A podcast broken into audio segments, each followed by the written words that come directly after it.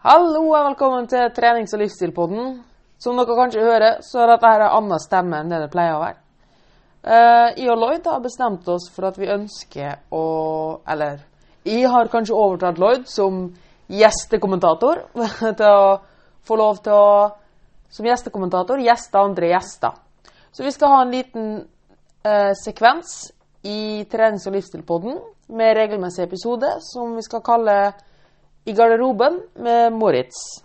Så her skal vi rett og slett ta og intervjue diverse folk. Alt fra ernæringsfysiologer, folk som er innenfor trening, og noe som vi tror veldig mange kommer til å like. Tidligere kunder, eller folk som bare er kunder, eller bare folk som vil ha litt hjelp. Så hvis du syns dette her er spennende og høres fint ut, så kan du gjerne sende med en mail på moritz.ptservice.no. Og si litt om ditt liv, dine problemer og hva du har lyst til å snakke om. Så i dag har jeg gleden av å introdusere Ann Bjørg til oss. Hun er kjempetøff. Hun er første person ut. Hun er utrolig flink til å komme ut av komfortsonene sine. Eh, og det er faktisk ganske syk, i, sykt. Jeg sendte henne en, mail, nei, en melding for ca. tre-fire timer siden eller noe sånt.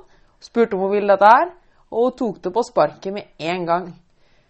Uh, jeg har kjent Annbjørg siden juli, kanskje, jeg tror Så et halvt år ca. Og det er det mest fantastiske mennesket jeg har møtt. Uh, så vil du si hallo, Annbjørg? Hei, hei. Så dette er skummelt for deg? Ja, ja. det er det. Mm. Men jeg syns det er veldig kult at du tok dette sånn på sparket. Så bra. Mm. Og det vi skal gjøre nå, rett og slett, er at jeg har lyst til at du skal fortelle litt om hvor du kommer fra, hva som er målene dine, kanskje etter hvert. Um, og hva som kanskje er utfordringene dine. Så hvis du bare tar det helt fra starten, hvem er du? Og du får bestemme helt sjøl hva du vil fortelle. Eh, jeg heter Annbjørg Nessa. Eh, jeg bor i Stavanger. Mm. Kommer fra ei lita øy som heter Halsnøy. Jeg er mor, og jeg er bestemor.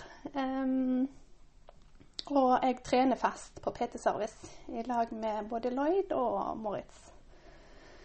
Um, Min reise i forhold til trening og, og mat, da begynte jeg egentlig for lenge siden. Um, som ungdom så var jeg litt og tynn. um, og ble gravid i relativt ung alder. Mm. la på meg ganske mye med første graviditet. Og kiloene har alltid vært litt vanskelig å få av. Eh, neste graviditet la jeg på meg litt til. Mm. Fikk heller ikke de av, så jeg liksom jevnt og trutt gikk litt opp gjennom. Mm. Eh, fikk en korsbåndskade som gjorde til at jeg ble ute av drift i et år. Fikk ikke lov til å gå tur. Jeg har alltid vært veldig aktiv, alltid trent veldig mye. Jeg har gått turer i skogen og, eh, og ble totalt stillesittende. Mm. Var dette her eh, et bevisst valg, eller var det bare noe som skjedde pga. mye stress og skader? Eh, jeg fikk ikke lov av legen, ja. for jeg hadde utglidning i forhold til korsbåndet, og så venta jeg på operasjon. Mm. Så det var egentlig tvungen stillesitting. Eh, graviditetene, de eh, dem kan man ikke gjøre så mye med. Nei, jeg kan sikkert gjøre mye med det, men jeg eh, sleit med veldig kvalme. Så i begynnelsen tok jeg veldig mye av, og så når jeg først begynte å spise igjen, så måtte jeg spise for å holde det i sjakk. Så jeg hadde jo et valg, men uh, ikke helt reelt valg. Mm. Så det gjorde jo til at jeg hadde noen kiloer som ikke jeg uh, trivdes helt med. Mm. Hvor lenge siden er dette her, cirka? Eh, dette siste operasjonen jeg hadde i forhold til kneet nå, det var jo i, for fire-fem år siden. Mm. Jeg gikk til Kilimanjaro da, med nyoperert kne. Ja. det er ikke så mange som sier. Nei, det er ikke så mange som gjør. Jeg var nyoperert i november. Jeg sto på toppen på Kilimanjaro i februar. Det gjenspeiler jo veldig godt personligheten din. Som vi var inne på, så er jo Annbjørgen et helt fantastisk menneske. Eh, og det kommer dere til å møte, legge merke til mer og mer gjennom denne episoden. Så fortsett. Ja. Mm. Um, jeg bestemte meg for å gjøre noe med problemet, for jeg trivdes ikke med kroppen min sånn som den var. Mm eh, kontakta da et eh, treningssenter i Stavanger-regionen, mm. hvor jeg fikk PT og skulle jobbe med, med PT og matoppfølging. Mm. Eh, fulgte alle av fire planene eh, i ja. forhold til jeg prøvde ulike kaloriantall som jeg skulle ligge på. trente knallhardt hver uke. Over en lang periode. Jeg fikk vel egentlig beskjed om at det var meg det var noe galt med, så jeg måtte gå til legen og sjekke meg. Jeg måtte sjekke stoffskiftet mitt, og jeg måtte sjekke det langsomme stoffskiftet mitt. Jeg måtte liksom sjekke alt. Jeg var til legen flere ganger, han var sikkert kjempelei av meg. Alt var i orden. Jeg er supersunn, men fluffy. så det var egentlig ikke noe hjelp å få, iallfall ikke hos legen. Jeg var altfor sunn til å på en måte bli kalla overvektig. Um, så der måtte jeg få et reelt problem før jeg kunne få hjelp. Mm. Um, så jeg slutta jo egentlig hos, hos um, da treningssenteret, for jeg følte vel ikke jeg fikk den hjelpa jeg trengte. Ja. Det var rett og slett kanskje litt ansvarsfraskrivelse. At de så at det var et litt større problem, og at de da skyldte på det som individ. Ja. Ja. Eh, jeg var ikke i den firkanta boksen. Jeg var litt utenfor, så jeg krevde litt annerledes oppfølging, og da, da fikk jeg ikke den hjelpa jeg trengte. Ja, det er jo dessverre noe som går igjen på veldig mange. Skal ikke henge ut noen som helst, men det er dessverre noe som går igjen på veldig mange treningssentre. Mm. Ja. Og hvordan gikk reisen videre da? Da kontakta jeg et nettbasert eh, oppfølgingssystem som gikk på treningsplan og matoppfølging. Eh, der var jeg ganske fornøyd, egentlig. Eh, fikk veldig god hjelp. eh, mye mer personlig hjelp, selv om det var nettbasert. Ja, iblant så får man utrolig god hjelp der, altså. Ja, så var veldig fornøyd. Tok av ganske masse kilo der, altså ganske masse til meg å være. Ja. og endra kroppen ganske merkbart. Mm. Uh, men reiste til Syden en sommer um, i 14 dager. og på de 14 dagene så tror jeg jeg la på meg 6 kilo. Mm. Eh, Men nå i etterkant så la du vel kanskje ikke på deg 6 kilo der og da? Nei, det er nok vann. Men Mm. det er fryktelig vanskelig for meg når jeg har jobba så ekstremt mye for de Mm. kiloene å gå ned. Så var det fryktelig vanskelig å håndtere at jeg hadde gått opp de. Mm. Og da ble jeg litt sånn at jeg kan jo like godt ligge på sofaen etter chips. Ja, litt svart-hvitt-tenking der. ja. Og da, da, da for jeg ned i grop. Ja, og den gropa, den varte en stund, gjorde den ikke det? Jo. Mm. Og da var jo de seks kiloene pluss sikkert litt til reelle. Ja. Da var de på igjen. Um, men nekta jobb igjen. og kontakta da Lloyd eh, på PT Service. Jeg hadde hørt en del bra om, eh, om dere. Ehm, og sendte en mail til han og lurte på om at dette var noe han trodde han kunne hjelpe med. Han kalla meg inn til møte. uh, og vi satt i sofaen uh, og snakket, eller det vil si han snakket og jeg grein. og han uh, var 100% sikker på at han skulle hjelpe meg. Ja.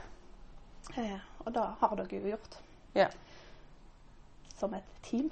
ja. Eh, Så dere har nå trent sammen hvor lenge? Jeg begynte i november i forfjor, så det blir jo et år og tre-fire måneder eller noe sånt. Ja. Mm. I begynnelsen så hadde jeg da PT som matoppfølger og som trenings-PT. Mm. Eh, og så eh, greide meg og han å få meg litt ned i vekt. Det tar ekstremt lang tid. Mm. Eh, jeg, ja, jeg bruker veldig lang tid på å gå ned i vekt. Mm. Eh, og så stoppet det litt opp. Eh, og så begynte jo du på senteret. Mm. Eh, så har eh, dine styrker i forhold til matoppfølging. Mm. Og da overtok du matoppfølginga på meg. Mm. Jeg og Lloyd jobber jo veldig mye sammen i team. Um, og skal jeg si kaste kunder litt her og der. Det blir litt feil å si. Men eh, vi jobber sterkt sammen med alle vi har, da. Eh, fordi vi har både våre styrker og svakheter. Eh, og jeg tror det var rett og slett på tide med noe nytt for din del. Å prøve noe nytt. Eh, du er jo ekstremt flink i alt du gjør. Det vil jeg jo si. Du har jo, vi, vi har jo snakka veldig mye om ditt flink pike-syndrom. Um, Det er bra. så når jeg kom i kontakt med Annbjørg, da Det var Lloyd faktisk som sa at jeg skulle begynne å snakke med deg, Annbjørg. Ehm, han mente at du trengte noe nytt. Prøve noe nytt. Kanskje noe fresht og ungt. Vet ikke helt. Men eh, jeg vil jo si at vi har for, for, forskjellige måter å ta ting på. Um, og det jeg merka veldig i starten hos deg, Bjørg, er jo at du hadde litt sånn låste tankemønster. Veldig. Du er veldig glad i dine strukturer og litt bestemt på at sånn er ting. Ehm, Og jeg har jo I starten må jeg helt ærlig si at dette her er en klass, tenkte jo at dette her er en klassisk en klassisk dame som eh, skylder på det ene og det andre, og som da på sikt gjør et eller annet som Om det nå er at du går ut og drikker hver helg, eller at du underrapporterer mat. For det er noe som er kjempevanlig. Eh, og på tida som jeg jobba sammen med Annbjørg, eh, så har vi grodd nærmere og nærmere, vil jeg si. Vi har Jeg ble rett og slett overraska over hvor fantastisk kresen du er. Det må jeg bare rett og slett si. at Du er helt fantastisk. Så vi starta egentlig rett og slett bare med at vi Jeg ville jo finne ut hva som var Du var jo kjempevant med, med å gå på diett, skulle jeg si. Um, så jeg ville gå ganske strengt til verks, og vi brukte da en app for å kartlegge alt du spiste. Og jeg var kjempenøye på at dette skulle være alt du spiste. Og vi gikk ikke sånn altfor lavt i kalorier, gjorde vi det? Det hadde vært mye lavere før. Hadde det. Fordi det jeg var litt obs på, var at jeg um, Jeg er ganske sikker på at Ambjørg har en ganske lav forbrenning, det er helt naturlig. Og så er du kanskje litt dovendyr. Enten så er det skikkelig beina trening, eller så er det ingenting. Stemmer. Eh, og når man da i tillegg har litt lav forbrenning sånn generelt sett, for det er folk som er naturlig å ha litt mindre forbrenning enn andre, så er kanskje ikke det så lurt. Um, og når man da går litt lavere i kalorier, så har man i hvert fall ikke overskuddet til å gjøre noe annet enn å trene. Og jeg tror det kanskje det var noe av det du undervurderte mest, var kanskje hverdagsaktivitet. Kan det stemme? Ja, det tror jeg nok. Og I tillegg så kan det nok hende eh, Jeg har jo en jobbsituasjon som gjør det vanskelig å måle alt jeg spiser. Mm. Sånn at eh, underrapportering foregår nok her òg. Ja. Men ikke i, i stor skala, tror jeg. For det var jo også noe vi tok opp veldig mye.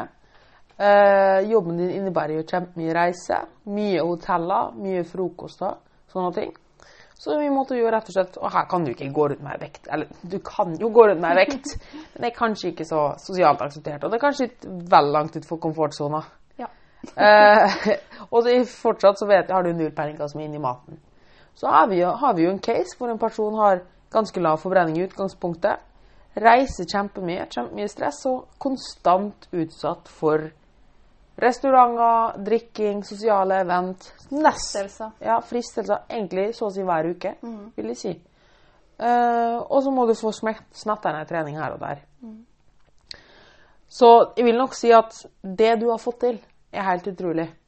Med så mye stress som du har hatt, og så mye reising rundt, og så mange fristelser, at vi har funnet måter som funker for det, og holde kaloribudsjettet ditt, er helt fantastisk. Det er utrolig sterkt jobba av det.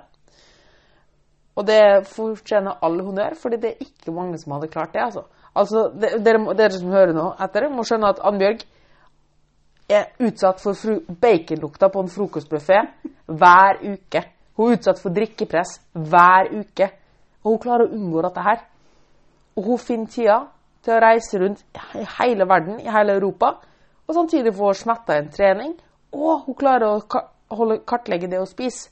Så hvis Annbjørg får til dette her, så får alle til dette her. Det er jeg 100 sikker på.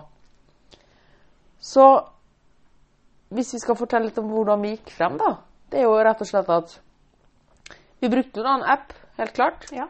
Mm. Og når du var hjemme, så, eller når du er hjemme, så veier du jo så å si alt. ja. Mm. Det er veldig viktig i forhold til at jeg skal vite litt hvor mye jeg spiser når jeg er vekke. Mm. Fordi Annbjørg bruker dette her som en måte å lære på. Hun lærer seg øyemål når hun er hjemme, så hun kan bruke dette her på reise.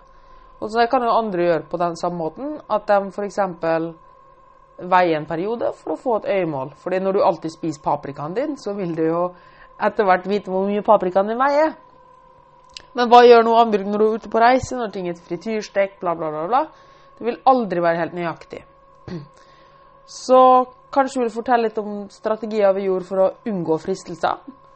Eh, ja, eh, vi setter jo Du har jo plukket meg ifra hverandre litt og litt. eh, du har utfordra meg på fryktelig, fryktelig mye. Men du har tatt det. Du har takla det utrolig bra. Jeg bjeffer vel litt i begynnelsen, Ja. så tenker jeg litt om, og så kjenner kommer jeg tilbake igjen. Eh, så det er jo Jeg hadde f.eks. en tendens til å kjøpe baguett på flyplassen. Noe som i seg sjøl kanskje ikke er så ille, men når du er på flyplassen åtte ganger per måned, Da blir det en del da blir det en del baguetter. Og for å si det sånn, så påsmurte på flyplassen er kanskje ikke det aller beste man kan spise. Nei. Så altså, der ga du meg hjelpemiddel i forhold til å gå inn og se hva jeg eh, heller kunne spise. Og være Altså, jeg fikk jo oppdrag av deg å gå inn på Narvesen og gå inn på de ulike eh, plassene og se hva jeg kunne spise som var bra å spise. Legge en slagplan, rett og slett. Rett og slett. Eh, og den slagplanen er ganske viktig å ha. For at hvis jeg er sulten og går på en flyplass, så greier ikke jeg å, å vite hva som er bra og ikke. Nei, det er mange fristelser der, og det er ikke akkurat sånn at du kan gå til ferskvaredisken og ta noen en, gå og ja, plukke det du har lyst til. Du kan ikke gå og ta begeret ditt med cottage cheese og noe frukt og grønt, for å si det sånn. Det er litt mer utfordrende enn Ja. som så. Det er det. Og så har jeg vel òg lært meg at det går an til å på en måte stette sulten bitte litt. Og så er det godt nok til jeg kommer hjem og kan lage meg et skikkelig måltid. For det tenkte jeg også ta litt inn på, at i starten så var du jo veldig obs på det regelmessige, mange små måltid. Ehm, og det tror jeg veldig mange som opplever, er jo det at de er livredde for sulten. De tror at hvis sulten først kommer, da, da er man nære døden. Uh, men det er jo faktisk sånn at sult bare er en følelse, sånn som alt annet. Uh, og jeg liker jo veldig godt å sammenligne dette her med søvn. Altså, du legger det jo ikke ned med en gang når du er litt trøtt og sover. Du går gjennom det videre. Så hvorfor skal man spise med en gang når man er litt sulten? Ehm, og heller ta noe middelmådig i stedet for å vente litt lenger og få det ordentlig. Da hadde det vært litt som at du i stedet for å sove godt om natta, så legger du det ned til en fem minutter her og der. Det blir jo litt samme greia. det blir litt samme greia. Eh, men for meg så eh, var det òg, når jeg var vant til å ete fem litt mindre måltid, eh, så eh, tok jeg veldig urimelige valg når jeg først ble sulten. Oh, yes. Eh, jeg kunne gå på butikken og ha en slagplan, men hvis slagplanen min var utsolgt, så kunne jeg ende opp med chips og plommer, liksom. Altså, og, det var, og det tror jeg er en gjenganger, altså. Det, du er ikke den eneste her. Nei. Eh, så, og det er jo en ting du har terpa meg på. Altså, du har jo detaljstyring på, på høyt nivå. Um, du er vel den jeg snakker med mest i gjennom uka. Men du, treng, du fortjener det også. Altså, du, har jo, du fyker rundt hver dag, og jeg syns du klarer det helt strålende. Altså, jeg kan ikke huske noen som har gått såpass mye inn for det. Altså, alle andre jeg tenker på, hadde gitt opp for lenge siden. Ja, men jeg er i ferd med å gi opp mange ganger òg. Og så er det bare å grave seg opp igjen, og så brette opp nevene. Så er det vel kanskje litt med at du har funnet akseptert at det tar litt tid. Ja, og da har jo du vært med på. Jeg var, da vet jeg, når jeg og deg begynte å snakke i lag, så var jeg veldig opptatt av hva alle andre greide å få til. At alle andre greide å gå ned i vek, ett kilo i uka. Og du prøvde å si at ett kilo i måneden var faktisk bra da òg. Ja, det er jo det. Eh, men da tenkte jeg nok altfor langt fram. Mm. Eh, så jeg har vel lært meg å feire de små seirene. Mm. Og Kanskje også nyte veien. ja. Mm. og òg kanskje at eh, vekt er ikke alt. Mm. Eh, men da at du eter sunt og eh, eh, trener, gjør jo til at det, du trives bedre med deg sjøl. Mm. Fordi du har, du har begynt å trene mindre Du har trent mindre nå i den nye jobben, stemmer det? Eh, ja. Når jeg var Mm. på nettbasert oppfølging, så trente jeg eh, ca. fem ganger i uka. Mm. Eh, ganske hard styrketrening. Eh, passet var vel en og en halv time ca. Mm. Eh, nå trener jeg to ganger i uka med PT, og så prøver jeg å få til minst to sjøl med enten styrke eller kondisjon. At jeg har to av hver i uka. Og så har du økt hverdagsaktiviteten din. Ja, det Mm. har jeg òg. Så vi har jo et skrittmål på 10 000 om dagen. Mhm.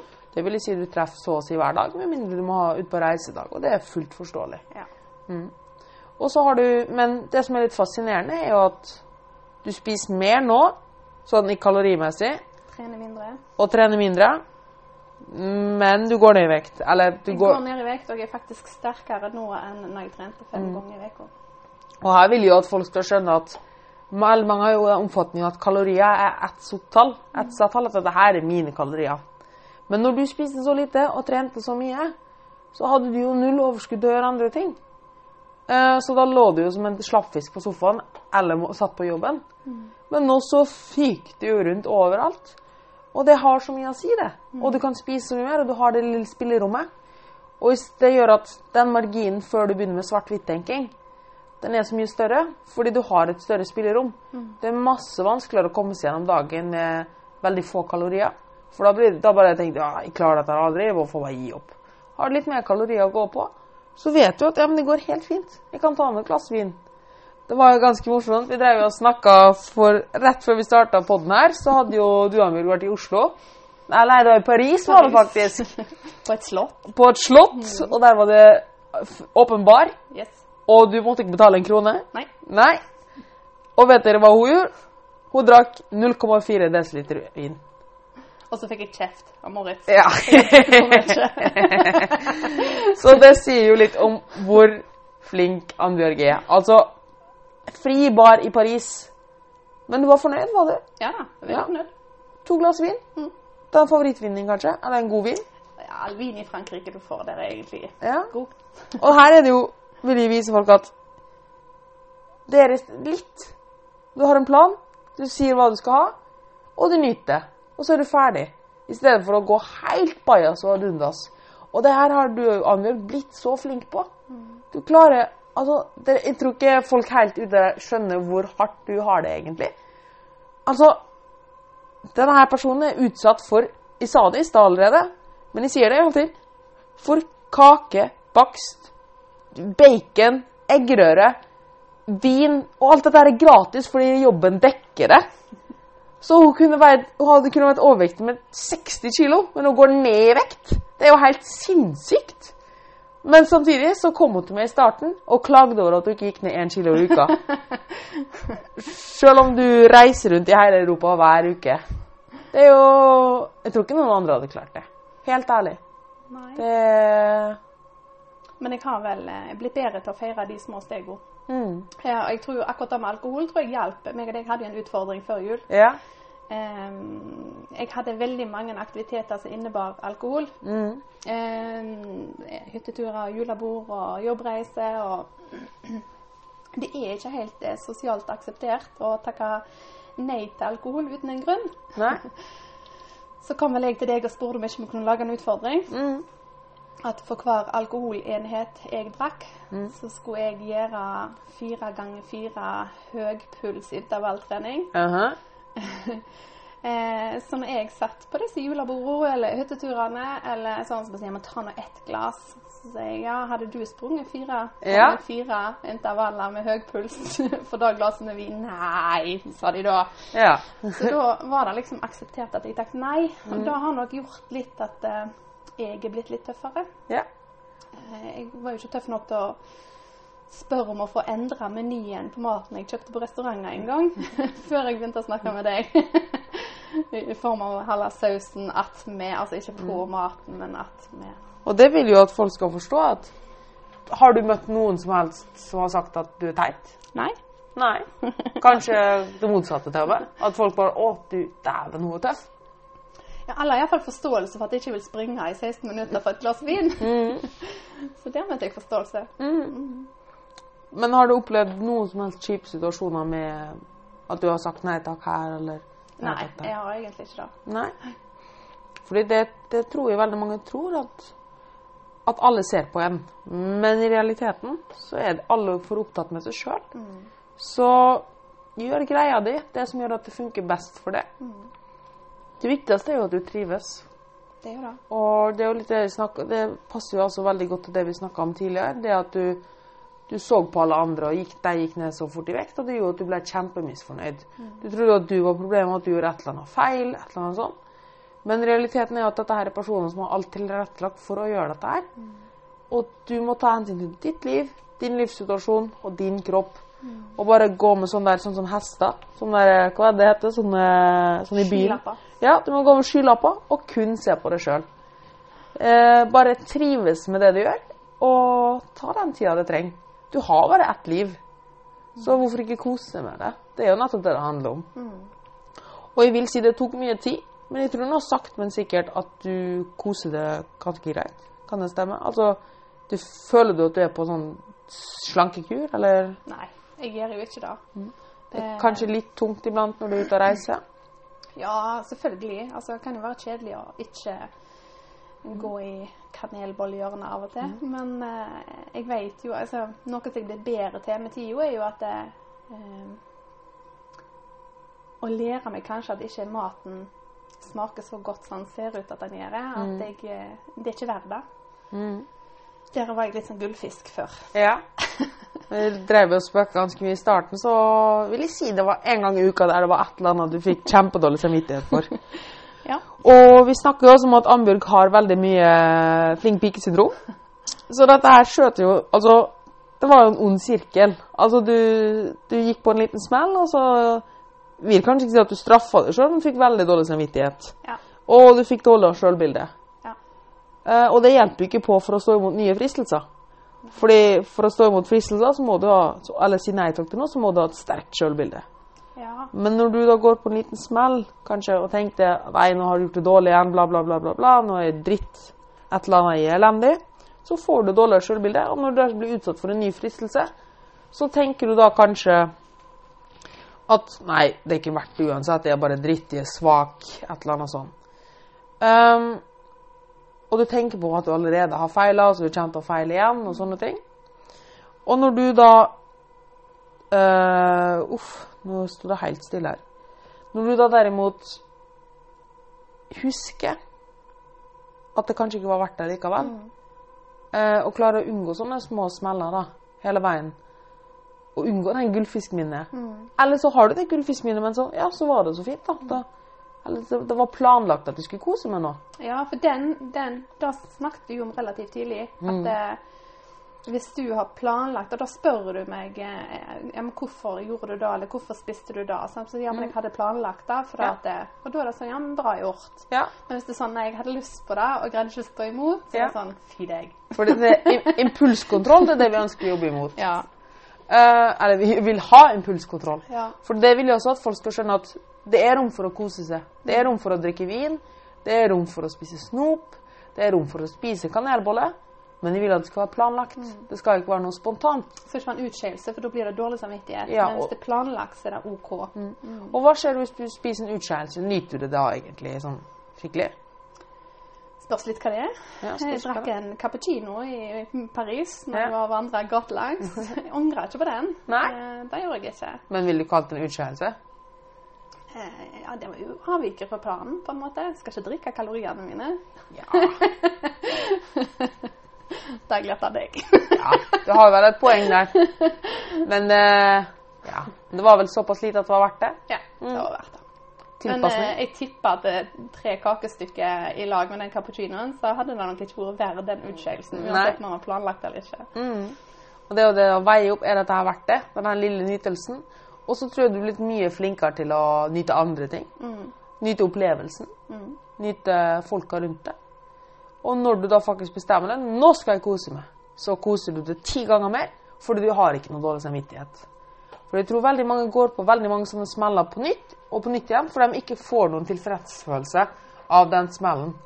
Fordi i stedet for å faktisk kose med det kakestykket, så går de rundt og tenker ah, shit, de bør ikke spise Mens de spiser kakestykket, så drev de og tenkte på at de ikke vil spise kakestykket. Så ofte så glemmer de at de skal spise kakestykke. Eller at de driver og spiser kakestykker fordi de allerede angrer. Og så har de spist kakestykker. Shit, det er allerede tomt. Da tar de ett til, og så fortsetter den prosessen. Og så neste dag så må de jo straffe seg sjøl kjempemye. Altså. Vi kjenner alle til den onde sirkelen. Ja, da. Mm. uh, men det du har gjort med din slagplan, så går du inn, ser på menyen, for ofte så vet vi ikke hva som er der. Nei. Og det er jo ganske utfordrende, for Annbjørg vil jo planlegge alt hun kan. ja. Eh, men hvis hun blir kasta i en restaurant i Paris, så har jo hun null peiling hva som kommer på tallerkenen din. Og hva er det du gjør da? Nei, da leter jeg etter det som er lettest for meg å ete i forhold til målbart. Mm. Helst rene kjøtt og eh, det med mest grønnsaker. Og få sausen attmed. Mm. Og du, du legger vel egentlig Du har dine klare begrensninger. Nei, dette her skal jeg ikke ha. Og dette her skal jeg ha. Og f.eks. på buffé så har jeg lov å forsyne meg én gang med salat, og så går jeg og forsyner meg med, med middagen. Fylle opp med det gode først. Ja. Mm. Så lager du vel en Men så fyller du opp godt en gang. En realistisk porsjon. Og koser det ordentlig. Og da er det også greit med en dessert, er det ikke det? Ja, da har ikke jeg vært Da har ikke jeg gjort så mye, men da går mer på at jeg syns det er vanskelig å ikke spise dessert dagen etterpå når jeg har spist en dessert. Mm. Så jeg prøver å unngå det. Du har rett og slett merka at hvis du spiser noe søtt eller noe sånn en dag, så får du mer lyst på det neste dagen. Mm. Og det tror jeg ganske mange der ute bør skjønne litt mer, er at eh, ikke bare det å spise søtt eller snop én gang, det er egentlig ikke så farlig. Det er det som skjer etterpå, at hvis du spiser det en Dette er jo ting man har lyst på mer og mer og mer. Så spiser du én gang, er sannsynligheten for å spise det en gang til enda større. Eh, så noen er kjempeflinke på dette her, og har null problemer med dette her. Men jeg og du er nok veldig like akkurat der, i at vi Det gir oss så lite, det kakestykket f.eks., eller den sjokoladeplaten, at det rett og slett ikke er verdt det, fordi du føler det dårligere neste dag. Men samtidig så har man mer lyst på det, for man husker smaken. Og det ødelegger jo litt for alle andre tinga. Eh, for eksempel da ødelegger det jo smaken av et eple. Jeg pleier å si at jeg har ikke, spi jeg har ikke spist snop på kjempelenge, så når jeg da spiser et eple, så er det kjempesøtt for meg. Og jeg husker i min verste periode, eh, da tok jeg søtning på alt. Jeg spiste dritsøtt, altså kunstig søtning, altså. Eh, du vet sånne natrentabletter, sånn du tar i kaffen. Jeg kunne lage en mugcake. Jeg er veldig glad i å lage mugcakes. Det er sånn en type bakverk med proteinpulver. Så kunne jeg ha 20 natrentabletter i én. Jeg tok ekstra søtning på vaniljeisen. Eh, så det var der, da. Fordi jeg hadde smakssensorene mine var så Bedøv. bedøvd, rett og slett. Så det er jo sånn at spiser du masse dritmat, mye fastfood og sånne ting hele veien, og masse fettrik mat sånn, så blir smakssensorene dine bedøvd. Da er det ikke rart at grønnsaker smaker dritt. Eh, men hvis du da faktisk tar den lille perioden og bestemmer deg for at nå skal jeg spise bedre og sunnere, det er jo på en måte avholds. Det blir jo nesten avholds av Det er akkurat samme alkohol og røyk og alt dette her. Når du er over med det for en periode, så frister det egentlig ikke så mye lenger. Nei. Vil du si at når du går i butikken nå, så tenker du egentlig ikke over godteri engang? Jeg prøver i hvert fall å unngå det. Eller Ja. jeg prøver å ikke gå i nærheten av det. Ja. For jeg er nok fryktelig glad i godteri. Mm. Og blir litt frista av det. Men eh, Det er lenge siden du har spist nå. Ja, jeg hadde vel en sjokolade på noen uker siden, var det ikke det? Ja, noen uker siden. Ja. Nå er det sikkert andre her som hører på som er slutt å være så jævlig bra! Ja, men det er, det er jo det som har vært min hva de sier, det, akilleshæl. Det er liksom at det, det er så små ting som har ødelagt for meg i og med at jeg har så ustabilt kosthold på tur. Sånn at eh, da er det kanskje det som gjør at jeg ikke går ned den uka. Da er den der ekstra sjokoladen som jeg spiser. Det høres jo helt forferdelig ut, men, men så nøye har det vært med meg. Ja, for Annbjørg er en special case. Altså, hun har en ganske lav forbrenning, rett og slett, så vi må være nøye her. Ikke alle må være så nøye, men hos Annbjørg så må vi rett og slett det. Og da må vi finne måter som funker for din livsstil. Og det er egentlig vi, grunnen til at jeg ville ha med Annbjørg her i dag, er rett og slett fordi hun er nummer én. Du er et helt fantastisk menneske. Uh, og det er så tøft. Du er første person som er med på dette her. Ja. Uh, du tok det på sparket med en gang. Du er så flink til å utfordre deg sjøl. Altså, det er, er, uten, er uten ord, egentlig. Det, det er så bra.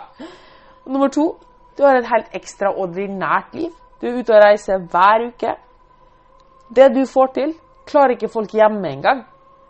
Uh, har, vi har sammen funnet måter som funker for det. Vi har lagd klare retningslinjer, så du har en rød, et, et tau du kan dra i på hele veien. Um, og du må tilpasse deg til det. Fordi det er du som er et individ, og det er din reise, og ingen kan fortelle deg hvor fort eller hvor sakte den skal gå. Og det vil jeg at alle andre skal, ute skal skjønne, er at det finnes ikke én rett vei. Du må rett og slett finne ut hva som du trives med. Og jeg tror du har funnet noe du trives med. Og om det tar litt lang tid, så gjør det det.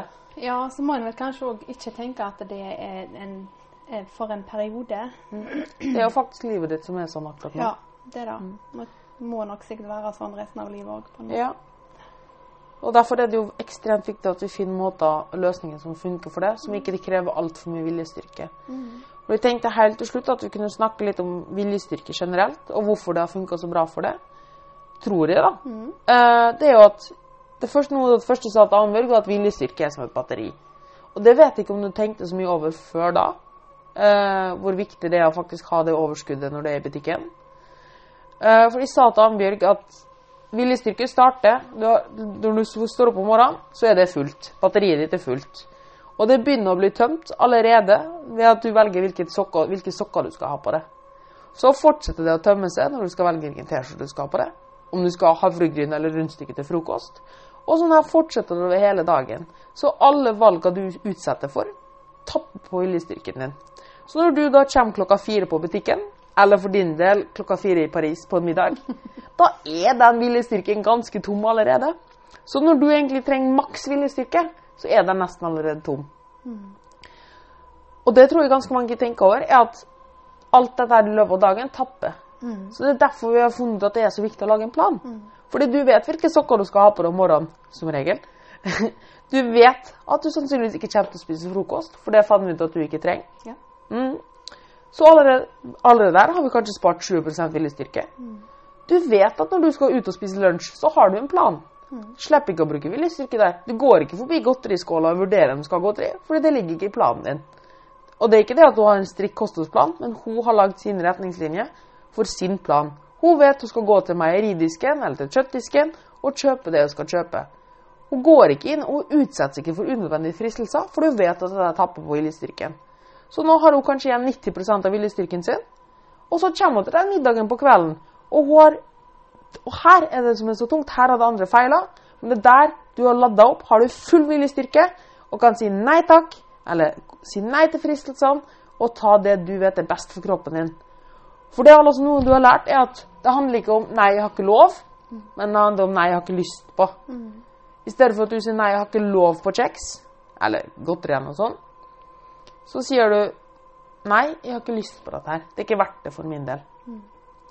For jeg tror det er veldig mange der ute tenker at dette er en restriksjon, og at dette er noe jeg ikke har lov å spise.